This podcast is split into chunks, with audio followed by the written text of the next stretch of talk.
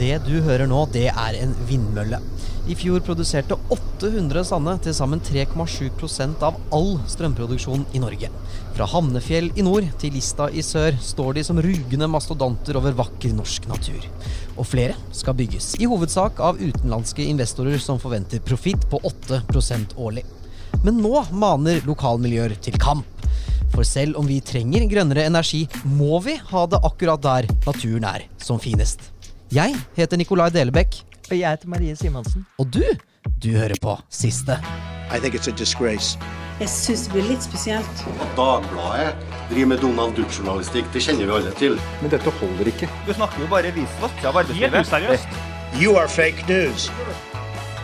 Go ahead.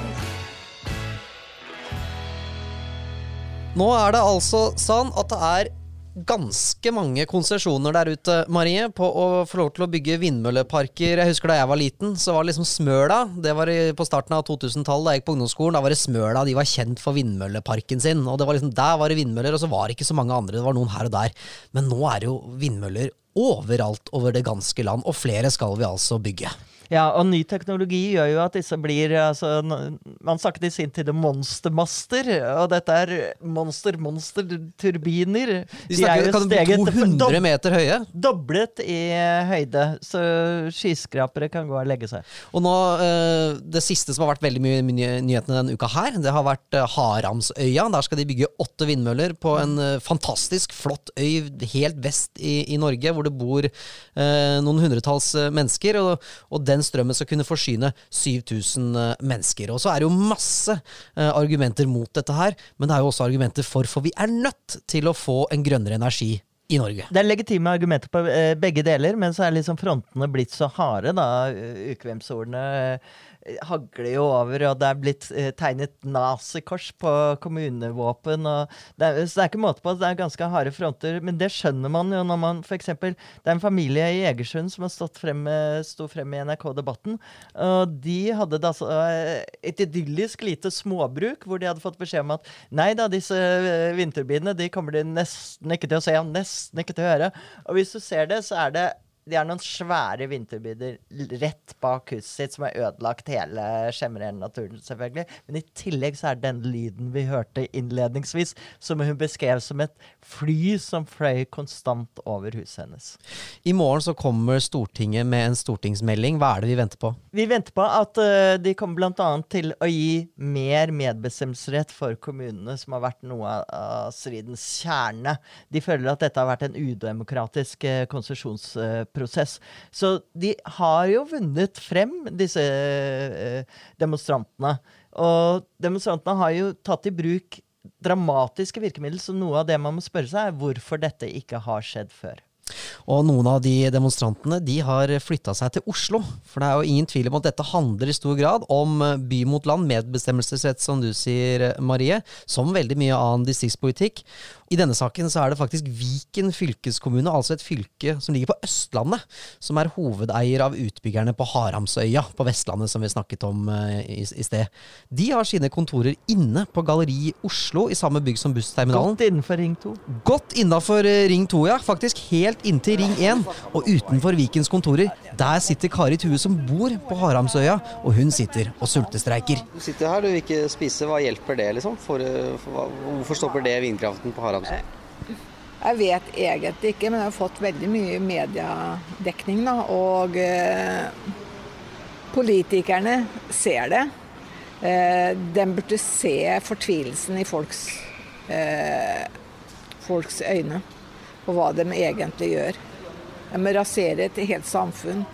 Eh, ikke bare det at de setter vindmøller der, men det er Vi er 615 sånn cirka innboere på øya. Eh, folk har sluttet å snakke med hverandre. Eh, folk hetser hverandre og, og, sånn. Vi er et lite samfunn som, som, er i ferd med å bli rasert, ødelagt totalt.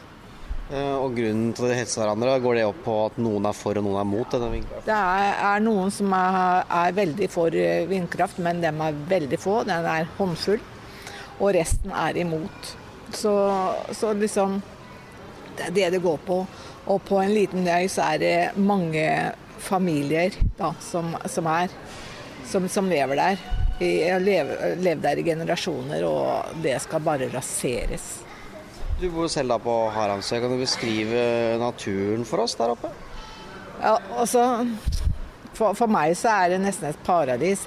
Eh, Det er høye fjell og lyset fra havet. Det er, forandrer seg fra time til time. Det er aldri noe som er likt. Eh, Selv når det regner er- og er blåst, så har en sjarm. Er det det som er eh, hovedproblemet for deg? At det er på Haramsøy, eller er det vindkraft generelt som er problemet? Eh, Nei, altså Da det egentlig ble alvorlig for meg, det var det at det, når turbinene kom på Haramsøy, så, så står de jo ikke der uten å gi fra seg noe som faller på bakken. Eh, De er laga av glassfiber, og det vil komme i drikkevannet vårt. Vi har ikke kommunalt vann. eh, Og vi har kilder, og vi har brønner. Du beskriver hvordan det er å sitte her? Hva slags tilbakemeldinger får du fra de som går inn på Viken fylkeskommune? Skjønner de hvorfor du sitter akkurat her? Eh, og så Om de skjønner det altså, de, Noen sier at jeg har bomma totalt og sitter utenfor her, men også jeg vet hvordan aksjer virker. da. Så, så det er ikke, og når du er aksjeeier, så kan du påvirke. Eh, og forholdet til dem som sitter inne, det er veldig fin. Jeg får lov til å bruke toalettet der, og de spør om jeg skal ha vann, om det går bra med meg. og vi sier hei og, og smiler, og, og, og, jeg sjikanerer ikke dem, og dem sjikanerer ikke meg. Så det er sånn felles respekt. Det er folk som går forbi her da? som Ja, det er tommel opp og kom og ta selfie og, og sånn. da, så, og jeg, har sett, jeg har sett at her du sitter og sånn. Det er litt, litt sånn, da. Ja. Og så I går så fikk jeg blomst, da, og Viken var ute og leverte den blomsten til meg. ja. så men det var ikke fra Viken, det var fra, fra Hardanger-motstanden, da, som sendte det til Viken, og de kom ut til meg med den. da. Så, og det var litt artig, da. Hva sier du til dem som mener at vi må ha vindkraft, da? For vi må eksportere det til de som nå bruker kullkraft eh, andre steder i Europa? Eh, ja, men når de sjøl legger ned sine egne vindmøller fordi det ikke er lønnsomt, hvorfor skal det plutselig bli lønnsomt i Norge? Det er det pga. statsstøtte. Vannkraft får ikke noen statsstøtte.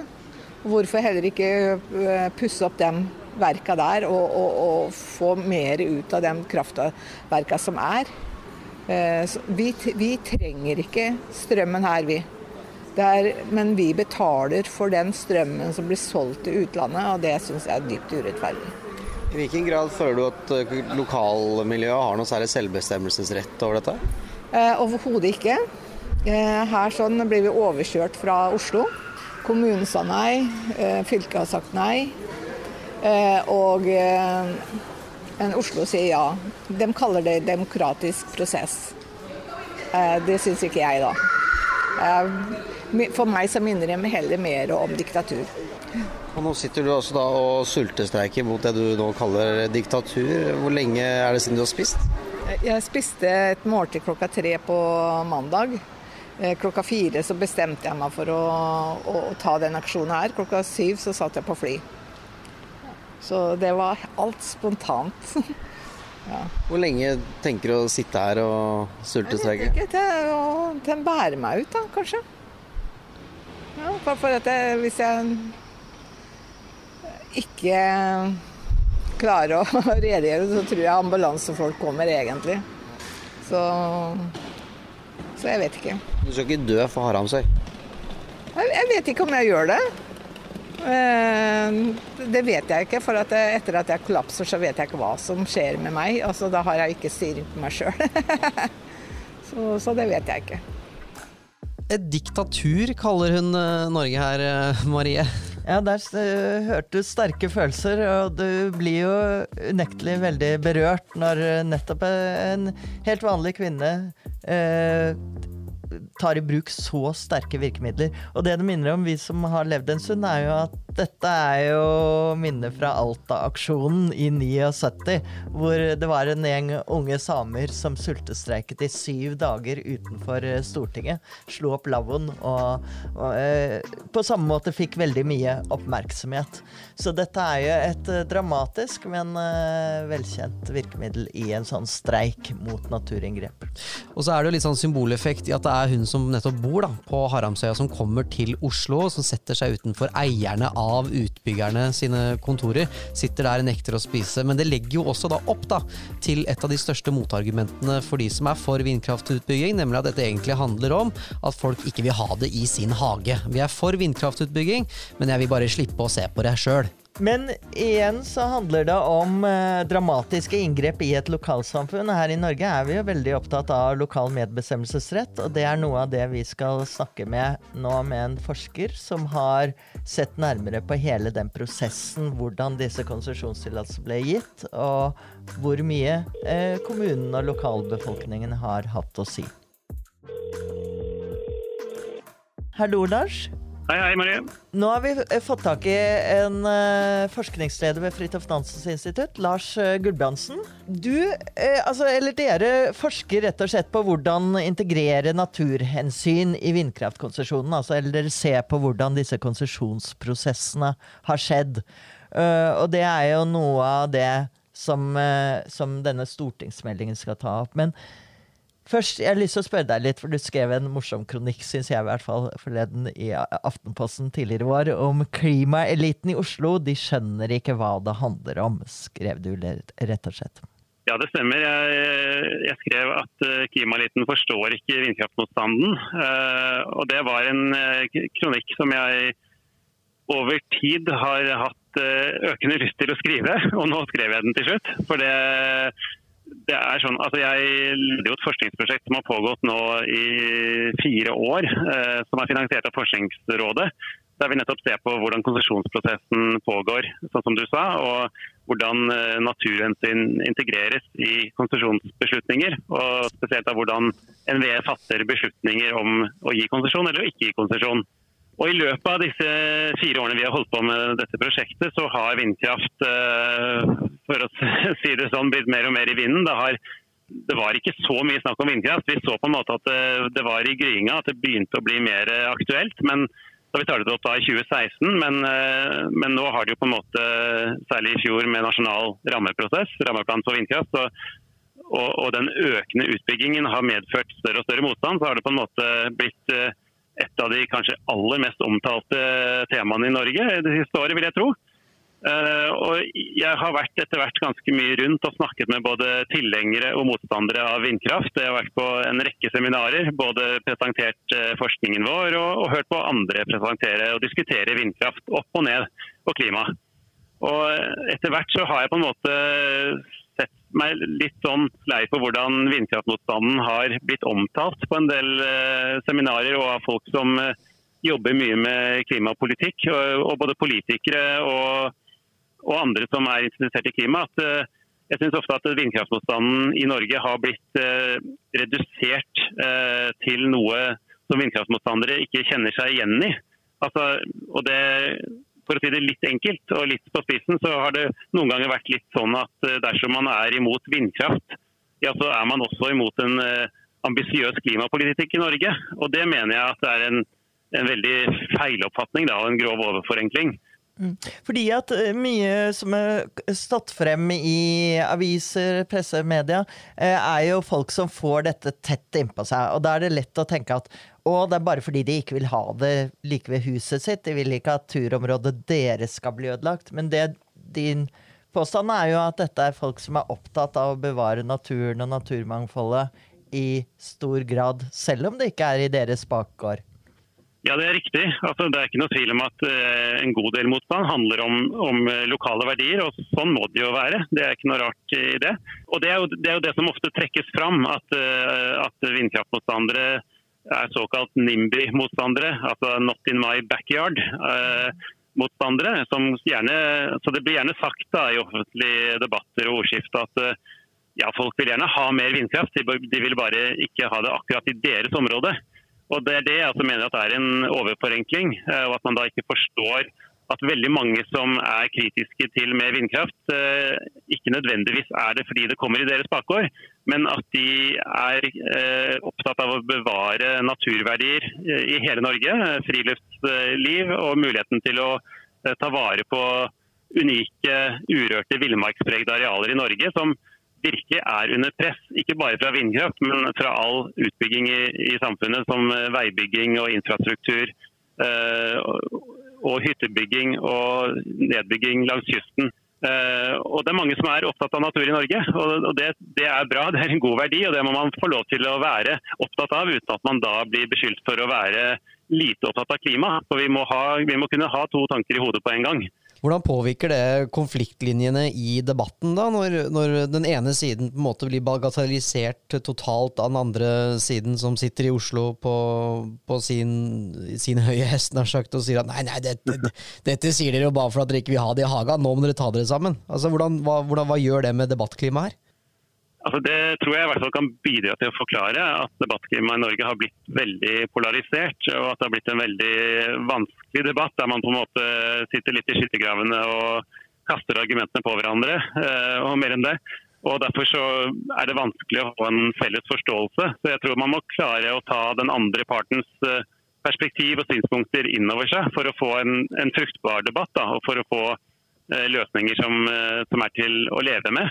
Sentralt i denne motstanden er jo nettopp det at uh, lokale miljøer rundt omkring ikke føler at de er blitt hørt og fått medbestemmelsesrett. Og det er noe av det du har sett på, altså hvordan denne konsesjonsprosessen har foregått. Det som bl.a. siden står, er om at konsesjonen er gitt etter, etter energiloven. Og, og ja. ikke etter plan- og bygningsloven. Kan du forklare fort, eh, fort hvordan, eh, hva som er forskjellen her? Hva som er den avgjørende forskjellen? Ja, altså Dette eh, er veldig viktig for hvilken mulighet kommuner, og da kommunestyret og lokalsamfunn har for å få, få innflytelse i prosessen. Planlegging av vindkraftverk skiller seg fra andre planprosesser i samfunnet. All utbygging i Norge krever avklaring gjennom arealplanprosesser etter plan- og bygningsloven. Dette er arealbruk til motorveier og jernbaner og lufthavner, og også til forsvarsanlegg, som må avklares i kommunale planer. Og dette Selv om dette er samfunnskritisk infrastruktur, så kreves det lokal medvirkning og lokale arealplanprosesser. Og Da er det kommunestyret som er planmyndighet, eh, i et samspill med nasjonale myndigheter, som veimyndighetene f.eks. Det betyr at det er på en måte også en lokal eh, demokratisk prosess. Men for vindkraft så er det annerledes, selv om også dette er en svært arealkrevende industri. Uh, vindkraft er faktisk unntatt fra arealplanlegging og også de fleste kravene i plan- og bygningsloven. Og Det er Norges vassdrags- og energidirektorat, altså NVE, som avklarer arealbruken og gjør avveiningen av hvilke hensyn da, som skal tillegges vekt når det etableres vindkraft. Og Det betyr at kommunen må i etterkant av at konsesjonen er gitt, tilpasse arealbruken til hva NVE som jo er et direktorat, bestemmer. Så Det betyr at kommunene i praksis blir satt på sidelinjen i veldig viktige beslutninger om arealbruk. Og Når NVE sier da, har gitt en konsesjon og har gitt konsesjon til et planområde og sier at her, er, her skal vindkraftverket ligge, så må kommunen bare innrette seg etter det. Og i praksis så må kommunen som regel bare gi dispensasjon fra arealbestemmelsene, eller arealplanen, kommuneplanens arealdel. For når konsesjonen er gitt, så er, så er løpet kjørt?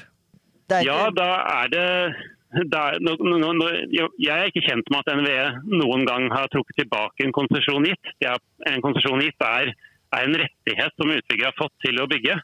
Eh, så følger det jo nye prosesser med detaljplan og det som heter miljø-, transport- og anleggsplan. Så det skal prosjekteres videre og detaljplanlegges. Men Eh, konsesjonen er på en måte en rettighet som utbygger har fått til å bygge. Og, og en annen uh, utfordring da er jo at altså Mange av disse konfliktene henger jo sammen med at det er, dette er gamle konsesjoner. Tysvær kommune ja. er den hele 15 år gammel. Og det, som, det, er mye som har skjedd da. Både skiftende politiske ledelser, selvfølgelig, og uh, bevisstheten rundt vindkraft er blitt mye større. Motstanden har økt osv. Men, men det var jo også snakk om mindre utbygging, som de ble, har sagt ja til, så vidt jeg forstår. Altså Teknologien har gjort at man nå får større vindturbiner, kraftigere vindturbiner f.eks. Ja, det er i hvert fall delvis riktig. Det er, jo, altså, det er helt riktig at teknologien har gjort at vindturbinene blir mye større, mye høyere. De kan uh, ha økt fra 130 meter til, til over 200 f.eks. Jeg leste nylig om en sak uh, hvor det var nettopp så høy de var blitt uh, etter, etter detaljplanleggingen. Eh, så er jo argumentet fra utbyggersiden og, også fra NVE og Olje- og, og energidepartementet at eh, ja vel, vi, trenger, vi bygger høyere turbiner, men det blir færre av dem. Og Da betyr det ofte at det blir kortere, at man trenger ikke så mange veier osv. Men eh, poenget er jo at når turbinene blir mye høyere, så blir de også mye mer synlige i terrenget. Jeg tror det betyr veldig mye. Og Det betyr også noe at veiene som skal opp for å få disse enorme turbinene, altså når du snakker om en dimensjoner tårn som er 120 meter høye og, og rotorblader som er kanskje 100, over 120 meter i diameter, så trenger man enormt eh, altså, Du trenger ganske omfattende veier for å få føre det opp i ofte fjellområder der eh, de skal monteres. Eh, så det blir kanskje færre veier, men de blir bredere. Og naturinngrepene blir jo ofte større for å få opp hver enkelt turbin. Og Poenget er at i denne fasen, som er da detaljplanfasen, så har kommunene veldig liten medvirkning. Mens hvis det hadde vært planlegging etter plan- og bygningsloven, så ville kommunene hatt mye større medvirkning. Og de hadde også hatt større muligheter for å, å klage i denne, i denne, prosessen. Men tilhengere av vindkraftutbygging vil jo selvfølgelig si at hvis kommunene hadde hatt mer medbestemmelsesrett, så hadde det ikke blitt noe vindkraft i hele Norge. Alle hadde sagt nei.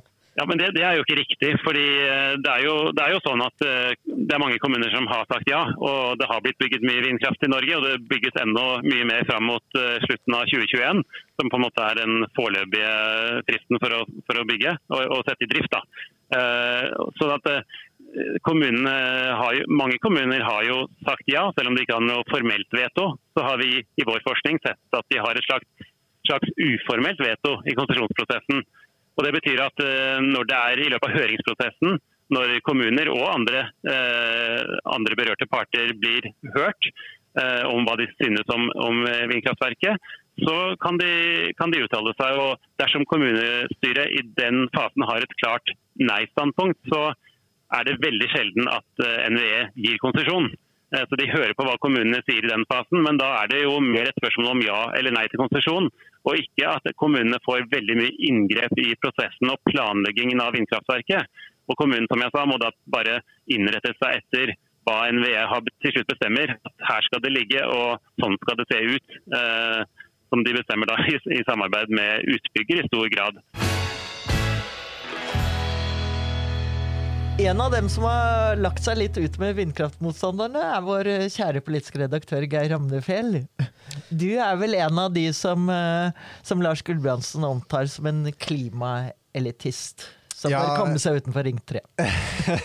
bor du innafor Ring 3, eller bor du utafor? Jeg, jeg, vet ikke. Jeg klarer ikke å definere det. Jeg bor på Nordstrand i Oslo. og det er, det er sånn, Ring 3 er i nærheten, men jeg er ved siden av Ring 3. Jeg vet ikke om det er innenfor eller utenfor. Men, eh, men akkurat i denne saken her så så er jeg vel, eh, havner jeg vel i den kategorien som eh, motvind, altså de som er eh, veldig eh, motstandere mot vindkraft på land, eh, vil definere som en, eh, som en klimaelitist. Men, mm. men jeg, jeg, har jo vært i mange, i mange trefninger med dem på sosiale medier, og spesielt etter at jeg skrev en kommentar om debatt debatten, tonen i debatten i vindkraftdiskusjonen. Eh, og hvor jeg prøvde å forsikre meg om at jeg egentlig var ganske enig om mange av innvendingene deres, men vi kan jo kanskje komme tilbake til det. Absolutt. Men Dagbladet er altså veldig for uh, vindkraft. Uh, jeg kan avsløre så mye for lytterne våre at jeg av og til har prøvd å ytre at jeg kanskje litt har sympati for de som er mot vindkraftturbiner. Da ser Geir strengt på meg. Ja, nå ser han sinna ut. Ja, ja. Nei, altså. Men hvorfor er uh, Dagbladet så positiv til vindkraftutbygging? Grunnen til at vi er det, er at uh, alle beregninger viser at Norge trenger mer fornybar uh, kraft. Vi Det blir gjentatt gjerne i debatten at vi trenger ikke, vi har så mye fornybar kraft, vi har all vannkraften vi trenger, vi kan oppgradere den vi har, og så får vi så mye vi bare kunne orke. Men uh, faktum er det at Statnett har beregnet at dersom vi skal få til den omstillingen vekk fra fossil eh, energiproduksjon, som også store deler av økonomien vår er basert på nå, at vi fortsatt har masse biler som går på, går på bensin og diesel, så trenger vi 40 terawatt mer fornybar energi. Og det vil si at da trenger vi mye mer eh, elektrisk kraft, bl.a. annet vindkraft. Og, vind... og for bare for å skyte inn 40 terakraft, det er omtrent en tredel av det vi produserer i dag. Ja, det er det. Og, og det vil si at, uh, vil si at uh, vindkraft vil være en veldig viktig bidragsyter i det. Og vindkraft er veldig naturlig å gripe til fordi det nå har blitt lønnsomt uten subsidier. Uh, og det, det, er også den type energiproduksjon som faktisk gir lavest CO2-utslipp per per eh, terawatt-time, eller hva det måles i. Da. Eh, og det vil jo si at det er egentlig veldig logisk å gjøre det, gjøre det på den måten. Eh, men så støter man jo på selvfølgelig problemet med hvor det skal være, hvordan skattesystemet skal innrettes så at det oppleves rettferdig, og andre naturhensyn også som, som man ikke kommer utenom. Og det må man bruke litt tid på å diskutere. Og Kart, hvorfor, hvorfor slenger vi ikke disse ut i Nordsjøen? Vi slenger ikke de ut i Nordsjøen fordi det ikke er regningssvarende ennå. Det å lage havvind er selvfølgelig det aller beste, for da får man det jo lenger unna. Det vil sikkert være komplikasjoner da òg. Det er allerede kommet protester om at det kan ødelegge for gytefelt og for fiskerier osv. Og, så og at det også vil være problem med sjøfugl som trekker eh, langs kysten vår osv. Mm. Men, um, men havvind, til forskjell fra eh, vindkraft på land, det er ikke lønnsomt uten kraftige subsidier. For da kan du ikke bare liksom plante det på fjellet og så montere opp uh, turbinene, sånn som har blitt veldig billig etter hvert i, uh, i, hele verden. Du må lage avanserte styringssystemer som skal flyte av seg selv. Altså, tenk de store konstruksjonene som skal stå og vippe av seg sjøl ut i Nordsjøen. Det er ganske, ganske avansert utstyr som må til. Vi har jo venta ganske lenge på at det her skulle bli lønnsomt, da. Og nå får vi den eksplosive veksten. Hvorfor kan vi ikke da vente til at det blir lønnsomt også på sjøen, da? Før vi bygger noe mer? Nei, det handler jo om at uh, det haster med å få til uh, kutt i uh, utslippa. Norge skal jo kutte halvparten av sine CO2-utslipp innen 2030. Og hvis verden skal nå klimamålene sine, så må man fjerne alle utslipp innen 2050. Så det vil si at hvis man skal vente på det beste alternativet hele tiden, så, så kommer man ikke i gang med, med omstillingen og får til nedtrappingen i, i CO2-utslippene, sånn som vi er helt avhengig av. Um, og så kan det jo også tenkes at man trenger både vindkraft på land og havvind. ikke sant? Så det er ikke sånn, det er ikke én quick fix som kan løse hele problemet. Man, er, man er, kan være avhengig av flere typer mm. uh, initiativer for å få det til. Ja, og da er det noen som sier hvorfor bare ut, uh, videreutbygger vi vannkraft? Vi kan bare bygge på eksisterende magasiner. Ja, Det som eh, er eh, avveiningen da, det er at uh, grunnen til at mange reagerer på vindkraftbrann, er selvfølgelig naturinngrepene. ikke sant? Det er jo det som, Og det er den mest legitime kritikken, selvfølgelig. Altså, det er jo ikke noe det er jo ikke noe, det er ikke noe lett å svare ut det og, bare trekke på skuldrene av at man bygger ned fjellheimen og at man ødelegger for fugletrekk og alt mulig sånn. Men det som er problemet med vannkraft, er at vannkraft vil jo også eh, føre til store naturinngrep. Og det har jo vært kjempestore protester mot det i, opp gjennom norgeshistorien også. Det er jo også. de klassiske naturvernprotestene. Nettopp. Mm. Eh, og så er da eh, argumentet fra de som er mot vindkraft, og som ønsker istedenfor mer vannkraft, at ja, vi kan bare oppgradere, så får vi masse masse terawattimer med ekstra strøm. Men NVE, da, som er direktoratet som, eh, som holder styr på disse tingene i Norge, og som har de beste beregningene, de sier at man kan bare få seks terawattimer mer strømproduksjon uten at man eh, foretar store naturinngrep. Altså, og vi trenger 40. Og vi trenger 40. Så dermed så kommer man bare et bitte lite stykke på vei. Så det er ikke noen, er ikke noen løsning. Fredag så legger, legger, regjeringen frem en stortingsmelding, etterlengtet stortingsmelding, tror jeg, eh, men hvor det er varslet en god del endringer som skal liksom ta tak i disse utfordringene vi har snakket om i denne poden, eh, om eh, mer medbestemmelsesrett, eh, f.eks. Men hvorfor kommer disse endringene først nå? Er det, er det av at folk marsjerer og lenker seg fast og sulter? Ja, det er jo faktisk det. Altså, um, grunnen til at dette kommer nå, er at Eh, eller at man har gått tilbake og da kommer med en ny melding til Stortinget, er at man la jo egentlig fram en nasjonal ramme for vindkraft for, eh, for, Bare et år siden. for et års tid siden.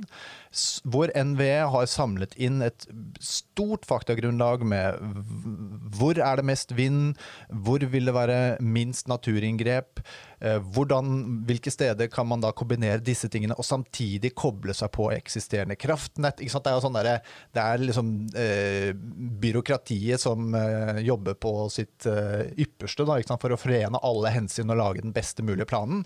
Men da ble det oppfattet slik at alle disse områdene som NVE pekte ut som egnet for eh, særlig godt egnet for vindkraft eh, på land gjennom denne nasjonale rammen, de reagerte veldig veldig sterkt på det. Og det ble en frykt for at alle de områdene som da var pekt ut som egnet for vindkraft, faktisk ville bli liksom dekt av eh, mm. vindkraft.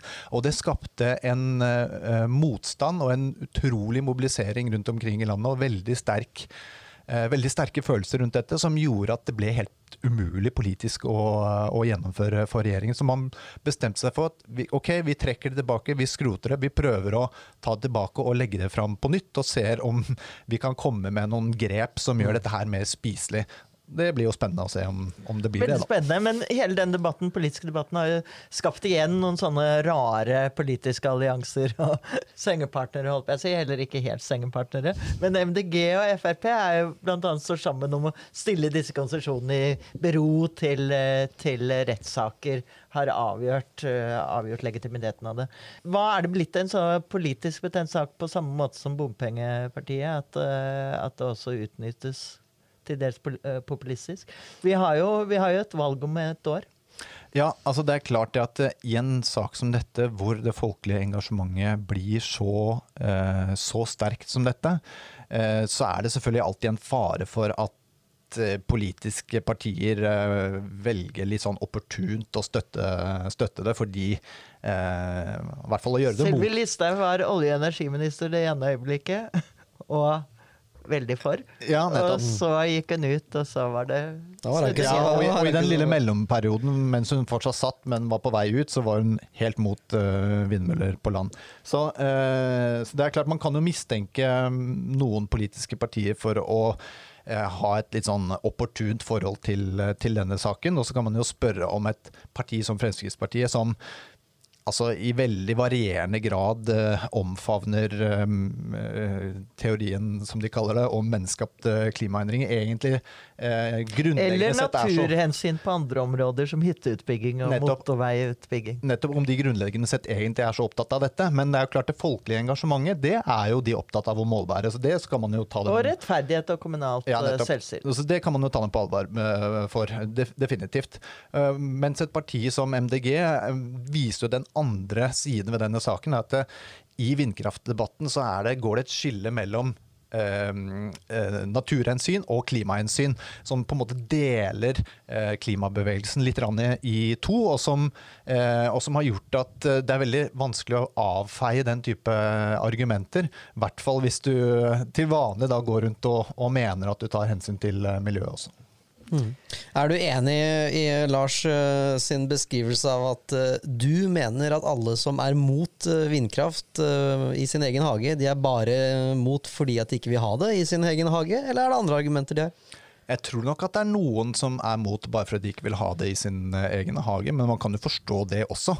Men jeg tror faktisk ikke at det er det eneste argumentet Eh, eller jeg, jeg, tror på at det er ekte engasjement mot vindkraft av naturhensyn. Eh, at det er veldig mange som er opptatt av både klima og natur, som eh, ser, gjerne ser andre løsninger, men som mener at dette her er en gæren måte å, å, å løse det på.